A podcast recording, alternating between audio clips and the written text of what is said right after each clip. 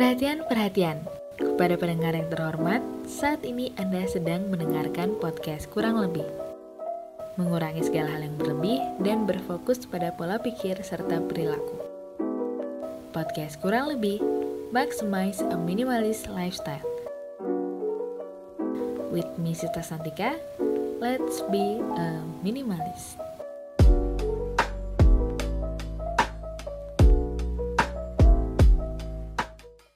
Halo semuanya, akhirnya podcast perdana saya ini lahir juga, yeay Kenalin, saya Sita Santika, saya adalah host dari podcast Kurang Lebih. Kalau episode awal gini kita introducing dulu lah ya, kita kenalan dulu. Jadi di podcast Kurang Lebih ini, saya akan membahas seputar penerapan gaya hidup sederhana atau minimalis Yang berfokus dan berawal dari pola pikir dan perilaku kita. Nah mungkin nih, kebanyakan orang sudah tahu dan bahkan kalian juga sudah menerapkan gaya hidup minimalis ini.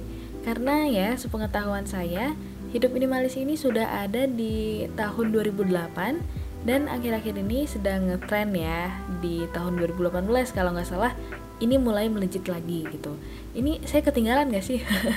nggak dong ya. Jadi nggak ada istilah telat untuk memulai suatu hal yang baru. Maybe you guys sudah berpengalaman dalam bidang ini? Boleh deh, nanti kita sharing bareng-bareng ya. Saya sebenarnya bukan expert dalam bidang ini, tapi saya ingin mengulik lebih dalam lagi tentang gaya hidup minimalis untuk menuju ketenangan dan kedamaian hati saya. Waduh, waduh, waduh. tapi beneran deh, sejauh ini saya sudah mulai menerapkan gaya hidup minimalis, walaupun masih awal dan masih susah untuk mengurangi segala hal yang berlebihan.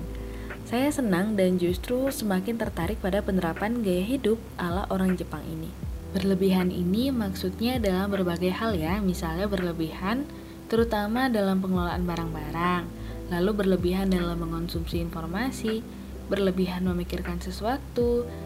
Nah, ini overthinking ini juga bisa sebenarnya diatasi dengan gaya hidup minimalis. Menarik sekali ya. Jadi memang ini yang membuat saya ingin mengulik lebih dalam lagi berawal dari bukunya Fumio Sasaki dengan judul Goodbye Things. Menurut beliau, seorang minimalis adalah orang yang tahu persis hal-hal apa saja yang bersifat pokok bagi dirinya dan mengurangi jumlah kepemilikan barang demi memberi ruang bagi hal-hal utama. Jadi singkatnya, seorang minimalis ini biasanya orang yang mampu membedakan yang mana keinginan dan yang mana kebutuhan. Minimalis intinya mengurangi yang berlebihan, biasanya dimulai dalam hal memulai barang. Hal ini sih bagian yang menurut saya sedikit susah untuk menerapkannya karena beberapa pengalaman saya membeli barang kadang kita anggap sebagai pemenuhan hasrat menuju kebahagiaan. Tapi kalau dipikir-pikir lagi, kebahagiaan yang ditimbulkan setelah membeli barang yang kita inginkan kira-kira akan bertahan berapa lama? Coba hal ini kita pikirkan lagi. Menurut penelitian, orang akan bahagia hanya beberapa saat setelah berhasil mendapatkan hal yang ingin ia capai.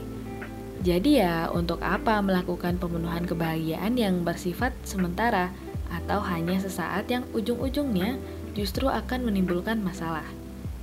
Misalnya gini, saya membeli barang karena saya telah berhasil melakukan sesuatu dan saya akan memberikan self reward untuk diri saya sendiri dengan barang yang saya inginkan. Dipertegas, yang saya inginkan. Ini berarti barang tersebut termasuk ke dalam keinginan, bukan kebutuhan. Anggaplah saya ingin membeli tas yang lagi ngetren, yang lagi happening di anak-anak zaman sekarang ya, misalkan yang lucu-lucu gitu. Saya jelas sangat senang dan bahagia karena akhirnya saya bisa membeli barang itu dengan jerih payah saya sendiri. Apalagi ini merupakan penghargaan bagi diri saya karena telah melakukan sesuatu yang luar biasa, misalnya. Setelah membeli, apakah saya akan merasa kebahagiaan yang sama di waktu tiga bulan ke depan nanti? Tidak, jawabannya. Jelas, barang itu sudah saya beli tiga bulan yang lalu, dan sekarang rasanya biasa saja. Yang ada, justru saya ingin membeli barang yang baru dan menumpuk semua tas saya yang di rumah.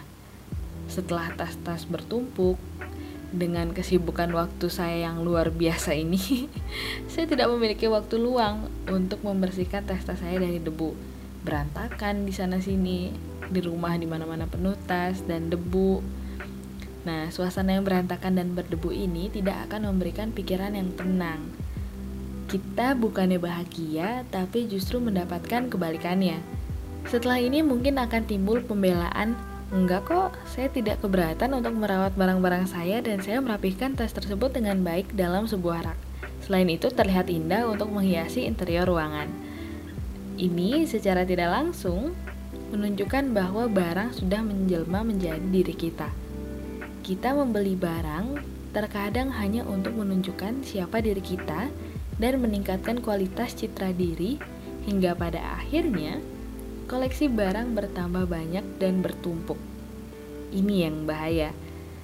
Semakin banyak barang yang dibeli, semakin keras upaya yang harus kita keluarkan. Misalnya, selalu bersaing untuk mendapatkan barang keluaran pertama. Ya kan, biasanya kalau hal-hal seperti ini pasti harus up to date, memfollow semua sosial medianya, memfollow semua informasinya, mengikuti dari awal hingga akhir, kapan rilis, bahkan menunggu ini kira-kira barangnya rilis kapan ya saya mau beli langsung gitu dan available-nya di mana ikut pre-order dan lain sebagainya. Ini ini harus di sedikit dipertanyakan karena terkadang kita juga terlalu berlebihan untuk memuja barang itu secara tidak langsung apalagi jika barang itu harganya lumayan fantastis gitu ini sedikit tidak masuk akal ya kita didikte oleh barang kita sendiri. Pada intinya, manusia tidak akan pernah puas dengan apa yang ia miliki. Keinginan untuk membeli barang baru itu terus saja muncul. Orang kaya mungkin nih yang kita lihat adalah orang yang berkecukupan, tapi percayalah, mereka pun selalu merasa ada yang kurang. Apalagi saya yang bukan berasal dari keluarga kaya. Orang kaya saja nih Teman-teman pernah lihat kan kalau ada jejeran mobil-mobil mewah di teras rumah orang sultan. Nah, itu kenapa mereka punya banyak padahal mungkin ya satu atau dua saja sudah cukup gitu. Ini mungkin karena memang sifat dari diri kita yang selalu ingin melihat sesuatu yang baru dan selalu menginginkan yang baru gitu. Nah, gaya hidup ini yang pada ujung-ujungnya akan menimbulkan gaya hidup yang konsumtif. Jujur saja, saya baru menyadarinya sebelum lama ini. Belum lama ini, baru-baru ini, dan sekarang pun saya belum sepenuhnya menjadi orang yang minimalis. Saya suka dengan pemikiran orang-orang minimalis ini. Saya terinspirasi dari beberapa tokoh juga, seperti Raditya Dika, Marisa Anita, Fumio Sasaki, bahkan Steve Jobs. Karena ya sebagai mahasiswa, yang belum berpenghasilan, uang jajan pun masih minta sama orang tua, jangankan uang jajan. Biaya kos, biaya UKT, biaya hidup yang lainnya itu pun masih minta. Menjadi orang yang konsumtif itu lumayan menyiksa diri saya. Nah, ini yang membuat saya mengapa tertarik pada gaya hidup ini. Saya merasa lelah untuk memenuhi hasrat saya sendiri. Contoh sederhananya, membeli kemeja misalnya saya itu dulu berangkat ke kampus sebelum ada corona ini saat keadaan masih normal seminggu hitunglah Senin sampai Jumat masuk ke kampus setiap hari memikirkan besok saya pakai baju apa ya baju kemeja kotak-kotak yang kuning sudah dipakai dua hari yang lalu. Kemeja yang berwarna hitam sudah saya gunakan di hari Senin. Pakai baju yang biru lagi sepertinya tidak cocok jika saya padukan dengan bahan rok berwarna merah gitu. Selalu saja begitu. Ketika menemukan kemeja diskon di Botani Square nih, salah satu mall yang dekat dengan kampus saya, wah itu udah langsung ambil tanpa pikir panjang. Apalagi ada tulisan diskon 50%, 90%, up to 80%. langsung aja ambil tanpa pikir panjang. Nah, sampai rumah seneng karena punya kemeja baru mencobanya di depan cermin kan dengan raut wajah yang bahagia berasa menjadi seorang yang spesial pada hari itu karena mengenakan baju baru walaupun diskon jadi besok di hari di hari Jumat ini saya bisa pakai baju yang baru nggak pakai baju yang itu itu saja Nah, ini hari Senin depannya bingung lagi. Karena udah nggak ada yang baru. Kan bajunya sudah dipakai hari Jumat. Lalu apa setelah itu? Akhirnya lemari saya penuh dengan tumpukan kemeja. Nah, anehnya lagi, kemeja yang saya ambil adalah selalu kemeja yang ada di tumpukan paling atas lemari. Maksudnya ya bisa dibilang itu-itu saja gitu. Karena ya seperti teman-teman tahu, tumpukan baju paling bawah itu adalah yang kita tidak suka pakai. Kalau kembali ke penerapan gaya hidup minimalis, lebih baik kemeja yang ada pada tumpukan paling bawah lemari sebaiknya dibuang saja atau didonasikan, itu lebih baik. Nah, didonasikan pun jika memang masih layak pakai. Sebaiknya pula dari awal lebih memilih untuk tidak cepat tergoda untuk membeli hanya karena barang yang sedang diskon apalagi karena modelnya lucu gitu saya ingat pernah membaca statement seperti ini. Kaulah satu-satunya orang yang mencemaskan penampilanmu. Apakah ini benar? Saya rasa ini benar. Sepertinya tidak akan ada yang menanyakan kepada teman-teman, "Eh, ini bukannya baju yang kamu kenakan di hari Rabu kemarin pada tanggal 3 bulan Juni lalu?" Mungkin saja mereka akan teringat beberapa saat bahwa Anda pernah menggunakan baju yang sama seperti sebelumnya tapi, apakah mereka akan mengingat itu sepanjang hari mereka? Tidak. Yang akan mengingatnya adalah diri kita sendiri. Justru ya, kalau kita memakai baju yang itu-itu saja, itu bisa menjadi identitas kita sendiri. Bisa dibilang seperti seragam keseharian kita. Steve Jobs misalnya. Bagaimana penampilan Steve Jobs yang terlintas di pikiran Anda?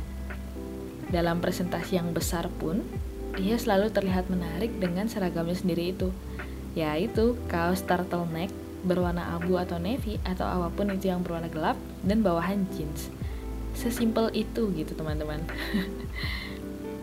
kejadian-kejadian seperti itu yang kadang membuat kita cenderung cemas akan suatu hal dan membuat kita tidak menemukan kebahagiaan dan ketenangan yang kita cari. Minimalisme adalah cara untuk menenangkan pikiran Anda yang mengganggu. Cobalah dari hal-hal kecil. Mulailah nih saat ini kalian sedang berada di mana. Silahkan melihat ruangan di sekitar Anda saat ini. Adakah beberapa barang yang tidak terpakai yang membuat ruangan Anda terasa begitu sesak begitu? Itu pasti ada saja kan, kayak barang yang sudah tidak Anda sentuh tiga bulan yang lalu gitu apalagi tidak pernah disentuh sama sekali. Nah, itu pertanda barang Anda harus segera disingkirkan. Apalagi sudah bertumpuk debu. Itu akan membuat pemandangan tidak sedap gitu di ruangan Anda. Terlebih lagi kebiasaan ini. Kebiasaan untuk menyetok barang. Biasanya stok-stok barang ini akan memenuhi ruangan Anda. Ujung-ujungnya barang ini bisa saja tidak terpakai untuk makanan atau minuman, bisa jadi kadaluarsa. Banyak barang akan membuat kecemasan kita semakin bertambah. Lantas, bagaimana korelasi antara membuang barang dapat menimbulkan kedamaian hati dan kebahagiaan? Bukannya membuang barang akan membuat kita sedih. Terlebih lagi, barang kesayangan kita. Nah, ini akan kita bahas di next episode. Jadi saya akan sedikit bocorkan, setelah ini saya akan bahas bagaimana membuang barang dapat membuat kita bahagia. I'm Sisa Santika out. Terima kasih sudah mendengarkan podcast kurang lebih. Maximize a minimalist lifestyle. See you next episode. Thank you. Perhatian, perhatian. Kepada pendengar yang terhormat, saat ini Anda sudah mendengarkan podcast kurang lebih. Terima kasih podcast kurang lebih Maximize a Minimalist Lifestyle. With me Sita Santika, let's be a minimalist. See ya!